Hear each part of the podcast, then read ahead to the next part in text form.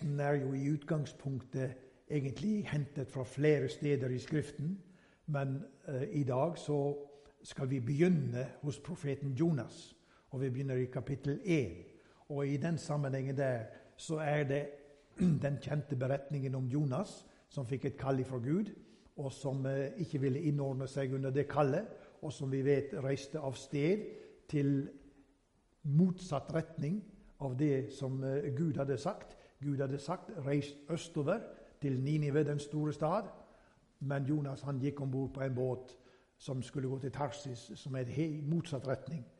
Og ut ifra dette så vet vi det at eh, Jonas han kom ut i et veldig uvær. Og eh, han innrømte at eh, dette som skjer nå her, det skjer fordi at jeg har vært ulydig mot den levende Gud. Og folket var i stor nød, for skipet ville brytes ned, og de kastet alt over bord. Og når de fikk høre hvem Jonas sa Han sa, 'Jeg er hebreer og tilhører den levende Gud.' Og jeg er villig til å ta på meg den straffen som kommer over meg nå, som har forårsaket denne stormen og har satt dere alle i stor livsfare. Så tok det Jonas og kastet han over bord. Og dette er egentlig første kapittelet, og det kom, som det står, det kom en stor fisk og slukte Jonas. Og det er i utgangspunktet der vi er. Og vi kunne godt ha tatt med oss kapittel to, som eh, beretter om at eh, da Jonas befant seg i fiskens buk, så var det slik at det står 'Jeg ropte til Herren ifra dødsriket. Ja, jeg vil si det sånn at hvis du er havnet i magen på en stor fisk, eh, så er det lite sannsynlig at du kommer derifra i livet. Og det er jo engang sånn at Jonas ropte til Gud. Fisken spydde Jonas opp på land, og der opplever han at nå sannelig må jeg innrette meg etter Guds plan, så ikke noe verre skal vederfares. Han måtte helt inn på dødens terskel og lære denne leksa. Det som eh, stanset meg i sammenhengen her, det var jo dette som det sto om at Herrens ord kom til Jonas. Og så er det dette her. I dag så kommer denne teksten til oss, til meg og til deg. Jonas var uvillig til å gå på Herrens vei. Og så kommer spørsmålet til meg, som det kommer til deg. Er vi villig, eller er vi uvillig? Kallet som eh, Jonas fikk, det var ikke noe hva som helst. Det var et kall som medførte store farer. Dra til Ninive. Jeg vet ikke om du er like godt kjent i geografien der i, i Midtøsten som, som, uh, som, jeg er. Men hvis du ser på kartet, så vil jeg påstå å si det at det var langt å dra til Ninive. Ninive ligger en by, som en by helt oppe i nordre del, nordøstre del av dagens Iran. Og det å gå fra Israel med apostlenes føtter Ingen tog, ingen bil, ingen fly. Det var en utidig marsj gjennom et ufattelig farlig terreng. Hele veien så var han utsatt for dette ville folket som bodde oppi der. Som var et krigersk folk. Som var eksperter på ja, nettopp krig og lidelser. Og var utspekulerte i torturmetoder. Hvis du går inn og leser litt om dette, her, så vil du finne at dette er det dekning for å kunne si. Og dette her som jeg vil gjerne si Når du hører at dette visste profeten Jonas Så det var i grunnen ikke så veldig rart å tenke på at han, han sa nei, dette vil jeg ikke. Av alle steder, Gud, du ber meg å gå til et sånt sted. Kanskje vi tenker på Jonas som litt sånn bleik når Gud kaller. Han var jo en profet. Han var utrustet med evnen til å høre Guds direkte tale til sitt indre øre. Og for oss å sette det litt i perspektiv, så vil jeg gjerne spørre deg hva ville du ha sagt om nå Gud talte til ditt hjerte og sa Reis til Nord-Korea. Ta med deg Bibelens bok og forkynn evangeliet der. Nå kjenner vi jo til at kanskje Nord-Korea er en av de mest stengte og farlige land for de som bekjenner Jesu navn. Hva ville du ha svart? Ja, det er et spørsmål som eh, tar oss eh, litt på klingen, som vi sier. Hva ville du ha svart på dette? Selv om Jonas var ulydig i utgangspunktet, var det egentlig en ubegripelig tanke at han ville flykte fra Gud? Midt i dette som Jonas opplevde da han var på vei, da han var på flukt bort fra Gud, så etterjager Gud han, og så møter han folket der på, på dekk.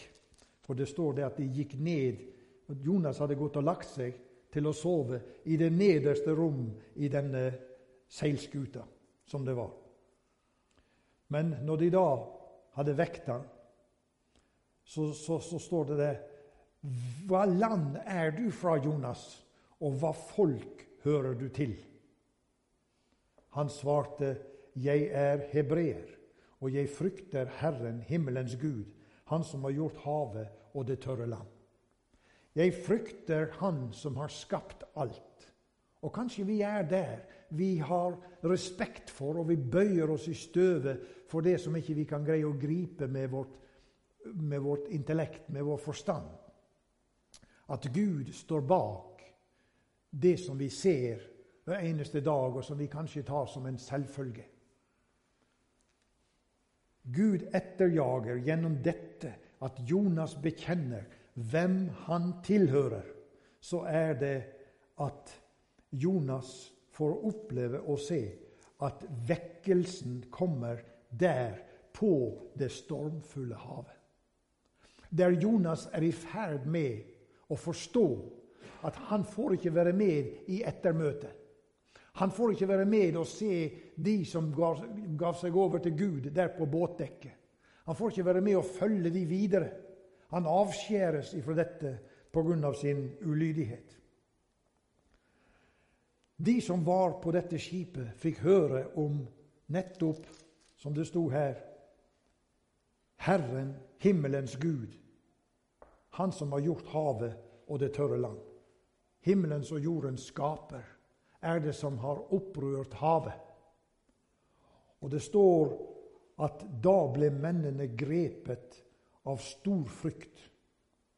Og nå visste de at Jonas flydde ifra Herren, for det hadde, står det, det hadde han fortalt dem. Og så er det dette her Det står i vers 14. Da ropte de til Herren og sa, Herre, la oss ikke gå under fordi denne mann skal dø, og la ikke uskyldig blod komme over oss. For du, Herre, har gjort som du ville. Her overgir mannskapet seg. Og det kan ha vært mange forskjellige typer mennesker i dette mannskapet. Noen som kanskje var lett å snakke til. Noen som var gjerne hardbarkede sjøfolk med alt det som det innebærer. Og da kan vi tenke Skulle disse overgi seg til Gud på vegne av et vitnesbyrd? Ifra Jonas, som var på flukt ifra denne som han bekjente som sin frelser og herre. Gud opererer på utrolig vis. Jeg skal ta det med inn i noe jeg har sikkert sagt det før, men eh, som det heter, en god ting kan ikke sies for ofte. Det er vi enige om, Magne. Ja. Og da sier jeg òg at det som jeg nå skal fortelle, det var det at det kom et kall det kom et kall ifra himmelens Gud til mitt hjerte. Det var fryktelig vanskelig å legge det fram, for det passet ikke inn i tidsrammen som jeg levde i. Det var nesten helt umulig. Det hadde seg slik at i et land nede i Europa som den gang het Tsjekkoslovakia, nå heter det Tsjekkia, i byen Praha, der var det altså en som levde under skinn av å være en troende, en medvandrer, en kristen. Han hadde solid teologisk utdannelse. Han var den som var kontaktpersonen for den undergrunnskirken som befant seg der. Og han sto fram som en pålitelig mann, men som under tiden fikk kjenne litt på hva vil det bety for meg å være en motstander av det eksisterende regimet. Alt det som det innebar, førte til at han ble det vi kaller for en overløper. Han ble en som fremdeles sto i dette arbeidet, men vi fikk høre at ingenting av den hjelpen som kom til brødre og søstre i den største nød, det kom ikke lenger fram, selv om han hadde mottatt det som kom ifra vest. Og så kom Kalle. Reis ned og få bekreftet at slik er det. Det passet veldig dårlig. Gud sa, 'Løs oppgaven. Mine der er i stor nød.' Det var en farlig reise. Det var veldig langt å kjøre, og det passet veldig dårlig. Han som sitter her, var bare et par år gammel, cirka det. Og søstera som satt der nede, som nå er her ute i brakka med de eldste barna, hun var nyfødt. Jeg håper dette stemmer. Du får korrigere, du som husker bedre enn meg. I alle fall så var det slik i tillegg til de to små barna, så når dette ble lagt fram for fruen Vi skal en tur, en ferietur, og vi skal dra til Tsjekkoslovakia. Nervøs kone, to små barn. Ukjent, alt som vi skulle inn i. Det var kort fortalt eventyrlig, det som skjedde underveis. Fordi at Gud hadde laget denne planen, og vi ville gjerne være med og løse denne oppgaven. På tross av at det var så upassende og i det hele tatt vanskelig for oss å gjennomføre. Når vi tenker tilbake igjen på de erfaringer vi gjorde den gang, så må vi jo si det at de erfaringene de er med og danner et fundament. La meg si det sånn. Hvis du skal slå inn en spiker og treffer fingeren og knuser nagel og knoklene med den hammeren, så det er ingen som kan ta ifra deg den erfaringen og si at det skjedde ikke. Men du vet det neste gang når du skal slå inn en spiker hvordan du skal holde hammeren, og hvordan du skal sikte deg til. Du gjør ikke den saken om igjen. Forhåpentligvis. Og slik var det. Vi gjorde noen erfaringer som iallfall har kommet meg veldig til nytte i de mørkeste stunder. For du har et referansepunkt å vise til. Da grep Herren inn. Det blir for langt å fortelle om alle de detaljene. Men Jonas han fikk i sannhet gjøre noen erfaringer. Han var kommet om bord i båten. Han var å oppleve stormen. Og ikke bare opplevde han stormen, men han gikk ifra å være nervøs og redd til å kikke døden inn i hvitøyet før de tok han i ben og armer og lempet han over bord. Og Så kommer da dette spørsmålet til oss som eh, det gjerne gikk opp for Jonas da han, så det står, hans hode ble inntullet i tang på vei nedover i dypet. Har du noen gang tenkt som så? Nå går jeg under for siste gang. Har du vært der? Har du kjent på det mørket som råder i din sjel? Når du nærmer deg det punktet at nå, nå ebber livet ut. Nå er vi kommet til veis ende på det som en gang var en god begynnelse, en fin fortsettelse. Men nå er vi kommet til veis ende. Vel, vi som er her i dag, vi har kanskje vært innom slike ting. Men vi er her i dag. Og så kommer dette spørsmålet til oss. Om du skulle være i en sånn situasjon, så tenker du på ja, jeg hører denne fortellingen, og jeg vet den står i Bibelen. Gud hadde makt den gang. Men har Gud makt på denne måten i dag? Å stige ut på Guds befaling, slik som Jonas gjorde, det er fortsatt risikabelt. Det er risikabelt og nettopp dette her å stige ut av vår komfortsone. Peter i Matteus 14 kan du lese om det. Peter fikk høre av Jesus da de var ute på sjøen. Er det du, Jesus, så be meg om å komme ut på vannet. Og så fikk han høre dette. Kom. Kom ut av komfortsonen. Ut av båten. Bort fra det trygge, inn i det ukjente. Det er noen erfaringer med Gud som ikke går an å tie stille om. Og du skal få høre en av de tingene som jeg fikk oppleve da jeg var på et besøk av en venn i, uh, i, i Oklahoma. Vi satt der og snakket der i den flotte stua hans, i det flotte huset der. Det var en mann med meget stor rikdom og, og makt rundt seg. Men han, uh, mens vi satt der og snakka sammen, så uh, kommer kona hans inn i, i stua med en telefon i handa.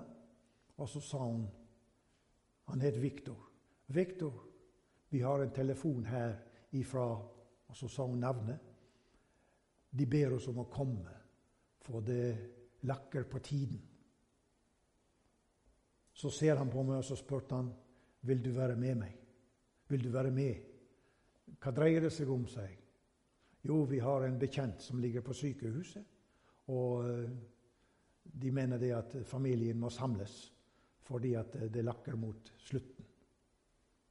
Ja, sa jeg, jeg kan være med, jeg. Jeg hadde ikke noe interesse av å sitte i det store huset der alene utover ettermiddagen og kvelden. Så vi reiste til sykehuset. Når vi står der midt i dette rommet, og den syke ligger der borte med veggen, så, så er det at uh, Herrens røst lyder på mitt øre. Gå bort til den syke. Gå bort til den syke. Jeg var bare med på en visitt. Jeg skulle ikke delta med noen ting. Det var ingen som hadde bedt meg om å, å komme der og, og, salve og be for den syke. Nei, det var ikke noe sånt inne i bildet. Og jeg forteller ikke dette her for å snakke om min fortreffelighet men for å snakke om å peke på Guds storhet, som kan bruke et kryp. I åndelig forstand så er det slik at vi er ikke større. For Herrens ord minner oss om kom i hu at du er støv. Og støv, det koster vi vekk. Det vil ikke vi ha noe av. Men i Guds øye så står det fremdeles slik at Herren forkynner at vi også ikke bare er støv, men vi er hans øyensten. Så ved Guds nåde så går jeg bort til den syke. De andre står igjen midt på gulvet der, og de ser at jeg går bort til den syke. Og jeg står sånn som dette her ved siden av senga hans. Jeg visste jo ikke hva som feilte han. Og uh, han så ikke på meg. Det var ingen kontakt for meg. Og så bøyer jeg meg ned og så sier jeg det som Gud hadde sagt i mitt hjerte. Så bøyer jeg meg ned til han så sier det at vi skal møtes igjen. Men før den tid så har Herren tenkt å reise deg opp. Denne mannen var døende. Det er en situasjon som jeg har tenkt på mange ganger, og som jeg har en tendens til å glemme. Det er lenge siden dette her nå. Men det som vi vet, det var det at det var enda verre å gå ifra den senga og tilbake til de som sto der på gulvet og var nære pårørende. Hustruen hans og familie for øvrig, samt de som jeg var på besøk hos. De sto der og snakka lavt sammen. Og de så det at jeg bøyde meg ned, og de så det at jeg sa noe til ham. Så gikk jeg tilbake igjen, og det var i grunnen det vanskeligste. Forkynn til disse hva jeg har sagt deg. Så så jeg på det, og så sa jeg, Herren hvisket i mitt hjerte hva jeg skulle si, og det gjorde jeg. Og Herren skal reise denne opp. De så på meg som om at jeg kom fra en annen planet. Og de så på meg som om at kunne det være mulig at noen kunne være så uh, spesielt i en sånn setting som det der, til en tjeneste som er så vanskelig, som var der der og da. For å gjøre den fortellingen kort. Neste dag så kom den mannen og banket på hjemme på huset sitt og sto med, med bagen sin i neven og kom inn og var en frisk mann i lange tider. Dette gjorde Gud, ikke fordi at jeg var der, men det, akkurat der og da så kalte Gud meg ut av min komfortsone. Jeg svettet og jeg skalv, og jeg kjente på utilstrekkelighet, og jeg kjente på alt det som du kan greie å tenke ut for at jeg ikke skulle bevege føttene mine i det hele tatt. Bare stå der som et, eh, si, eh, et stille vitne om ingenting. Gud er en Gud den gang som nå. Og Det som er å fortelle oss her i dag, det er det at Gud sto den gang ved sitt løfte. Han gjorde som han hadde sagt. Og han, han kan og han vil oppfylle løfter også i dag. Også de løfter som er gitt oss inn i denne menigheten. Og det har vi hørt. Gang etter gang etter gang har Gud lovet. Og så tenker vi jo da, vi hører det, Gud, men er det nå egentlig slik? Er du der? Du er jo så treg, og du er så tunghørt, og du kommer jo aldri når vi har behov for det, for vi lever jo midt oppi en forferdelig trengsel. Det kan hende det er din situasjon. Men Gud, han eh, opererer. Og Jeg har lyst til å ta deg enda lenger inn i utfordringen. Og Da skal vi derfor gå til det som eh, er et budskap i Esekiel 47, fra vers 1 til 5. Og det må vi lese. Og da må du, må du spisse ørene dine. For er, disse fem versene inneholder noen detaljer som du gjerne må ta fram der i Esekiel 47. Det må du gjerne ta fram når du kommer i enrom, og så må du be over den teksten som vi nå leser. Han førte meg tilbake til husets inngang, og se, det kom vann ut under husets dørtreskel mot øst. For husets forside vendte mot øst, og vannet rant ned fra husets høyre side, sønnen for alteret. Vi er nå i Guds tempel i Jerusalem. Så lot han meg gå ut gjennom port, nordporten og førte meg omkring utenfor, til den ytre port, til den port som vender mot øst. Og se, det vellet fram fra den høyre side. Mannen gikk nå mot øst med en målesnor i hånden og målte tusen alen. Så lot han meg vade gjennom vannet, og vannet nådde meg til anklene. Atter målte han tusen alen og lot meg vade gjennom vannet. Da nådde vannet meg til knærne. Atter målte han tusen alen og lot meg vade gjennom vann som nådde til lendene. Så målte han atter tusen alen. Da var det en bekk som jeg ikke kunne vade gjennom, for vannet var så høyt at en måtte svømme der. Det var en bekk som ikke lot seg vade. Når jeg leste denne teksten inn i denne settingen nå med, med Jonas, og med de betraktninger som du har hørt fra mitt eget liv, så er det et spørsmål som kommer til oss alle sammen. Hvor vil du og jeg være i forhold til det som Gud kan? Vil vi være til anklene der inne i fjæresteinene, trygt og godt? Vil vi være der vi var der så langt ut som til knærne, eller til hoftene, eller på det bunnløse dyp sammen med Herren, som Peter var det, utenfor komfortsonen? Og det er så vanskelig, dette her. Å gå utenfor komfortsonen. Men det som er spørsmålet i din situasjon, slik som du har det, og slik som jeg har det, så spør Gud vil du i dag gjøre erfaringer og kaste deg ut på Guds løfter. Prøve om de holder. Og Da er det store spørsmålet hva er det Gud kaller deg og meg til i dag? Har vi spurt etter Hans vilje og Hans planer i dag? Det som gjelder for dagen i dag. Mine venner, erfaringer sammen med Gud, det danner vitnesbyrde. Vitnesbyrde. Kanskje du synes dette var jo litt eh, for mye spissing, og det var litt for utfordrende, kanskje ubehagelig. Det syntes Jonas òg. Det som er vår bønn, som skal stige fram i vårt hjerte i dette møtet, må Herrens ånd ta dekket bort, så syndere får se at det som er ved Sønnen gjort, gjør sjelen hvit som sne. Når vi fokuserer på bønn om at Gud må lede oss til det som ligger i Hans plan for oss, samt å våge å ta steget inn i det som Herren viser er din oppgave. Og så kan du si ja, hva er min oppgave, da? Gud hjelpe oss. Gud hjelpe oss. Vi bor midt iblant et folk som har forkastet den levende Gud. Israels Gud er på vei ut av vårt samfunn, er på vei ut av våre skoler, er på vei bort ifra oss som vil gjerne høre troens sanne ord.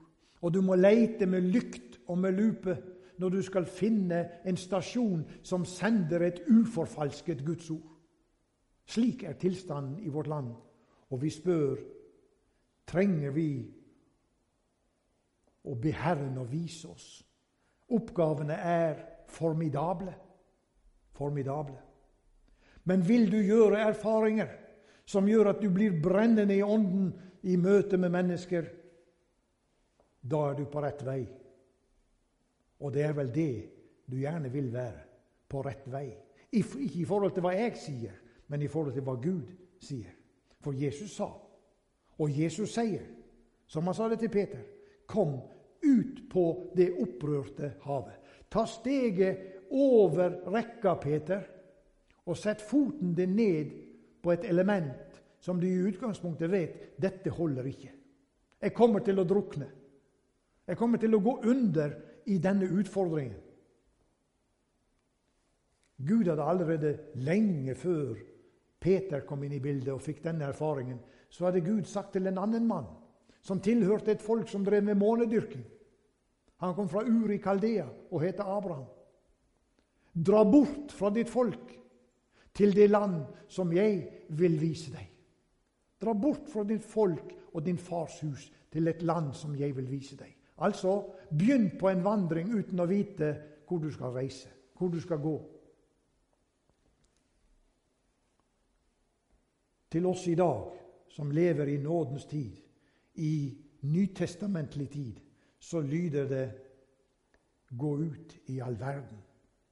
Der står mitt navn, der står ditt navn. Du som har tatt imot Jesus. Gå ut i all verden. Gå til de som uh, du møter på din vei og vær frimodig. Bibelen sier 'så ved alle vann'. og akt ikke på vinden, for da vil det ikke bli sådd. Men Gud vil la deg møte oppgaver. Gud vil lede deg. Gud vil lede deg ut av båten, ut på havet, ut på menneskehavet. Det er det det dreier seg om for oss. Nå er ikke hun her inne, men jeg vil nevne det at vi har i dag sett en ung kvinne innrømme hun var nervøs, men hun har steget ut på Guds løfter. Og vi kjenner på velsignelsen fra vitnesbyrdet. Hvis jeg ikke hadde Jesus, hvilken mening var det da i å leve noen år, så eller så lenge, og siden du? Og så møte konsekvensene av mitt valg. Og jeg spør hva velger du så? Vil du være i Guds hånd med nåtid og alt det ubehaget som det kan medføre for kjødet? når Gud kaller til tjeneste, så sier jeg det. Det skal komme en dag da vi får oppleve nettopp det. Hva investerte vi i? Investerte vi i å si ja til kallet, eller graver vi ned det som Herren har gitt oss å gå med? Vi kjenner til fortellingen fra Matteus 25. Tjeneren som fikk den ene talenten, viste seg på oppgjørets dag ikke å ha vært tro i sitt forvalteroppdrag. De som hadde fått to talenter, gikk hen og reinvesterte de, og de ble til to talenter til. Han som hadde fått fem talenter, han gikk hen og reinvesterte sine fem talenter og vant fem til. Men den ene han forspilte tilliten som Herren hadde vist ham. Forduftet var dristigheten, kreativiteten, oppfinnsomheten til å omsette talenten, eller om du vil, evangeliet, i ditt liv, slik at det gav avkastning. Det er en veldig alvorlig sak.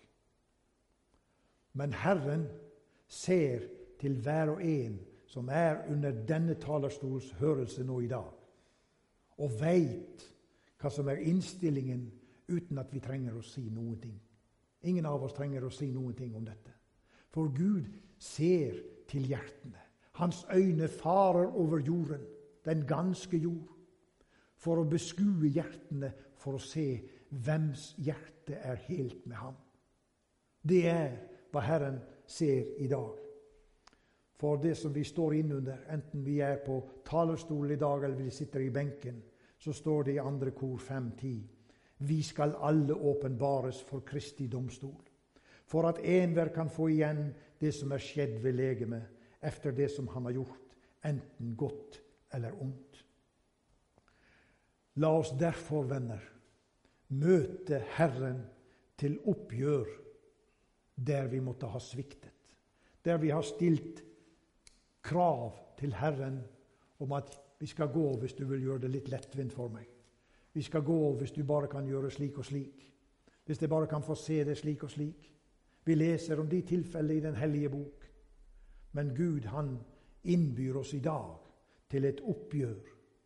Til et oppgjør hvor kanskje disse ting som vi har vært innom her i dag, har kommet litt i bakleksa for oss. Vi tar det ikke så veldig tungt lenger. Vi eh, er ikke så ofte i inderlig bønn for en eller annen i vår sammenheng som vi møter. Og Derfor så ser jeg opp igjen til meg sjøl og til dere. Må Gud ta dekket bort, må Den hellige ånd ta dekket bort for oss, så vi ser inn i dette at vi vi har en gylden mulighet til en dag å få beskue de som vi møtte på vår vei gjennom livet. De ropes fram ifra den store skare for oss å gies kronen ifra den himmelske majestet. Vi trenger å få oppleve at ordet gjør dette levende ved Guds ånd for oss, for våre hjerter. Så at vi ikke stikker oss unna, slik som Jonas gjorde. Og mange andre kunne vi nevnt som ikke var tro i tjenesten. Herre, vi ber deg derfor om at du skal sende fornyelse, Herre. Fornyelse innover våre hjerter, så vi får kjenne, gode Gud, på kallet til å stå i den tjeneste du gav. Det være seg med sangen, Herre, for denne unge kvinne som vi fikk høre i dag. Å, gode Gud i himmelen. Takk fordi at du ser, og takk fordi at du hører hver eneste hjertesukk som kommer nå ifra benkeradene, Herre. For de som sitter der ute og hører oss via radio, gode Gud i himmelen, kom med din nærhet over hver enkelt, så vi igjen kunne bli et leserfolk, Herre som studerer Skriftene, og som går med sannhetens ord og kaller Herre til en døende verden, som gjerne ikke lenger hører budskap om at du kom fordi du elsket så høyt, at du ikke unnså deg, Herre, noe offer for stort, men gav din sønn, den enbårne, for at hver den som tror på ham, ikke skal fortapes, men ha evig liv. Herre Jesus, vi ber deg, hold din hand over oss, Herre, og hjelp oss å vandre på den smale vei i Jesu navn. Amen.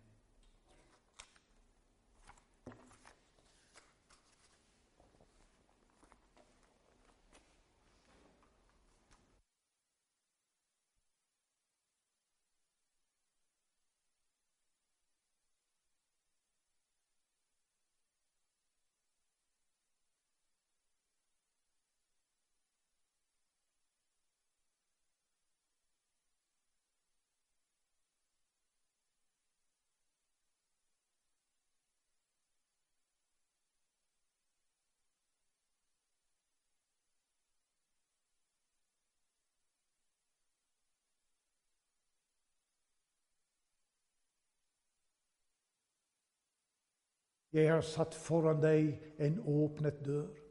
Jeg er kommet på besøk til ditt hjerte i dag, sier Herren, for at du skal få et oppgjør med meg om det som har vært. For se, sier Herren, mitt løfte står fast. Jeg vil gjøre alle ting nye. Du skal få begynne på et nytt ark, sier Herren. Et ubeskrevet. Og du skal få sette dine føtter i mine fotspor, sier Herren, om du vil gå på den vei som jeg har tenkt for deg.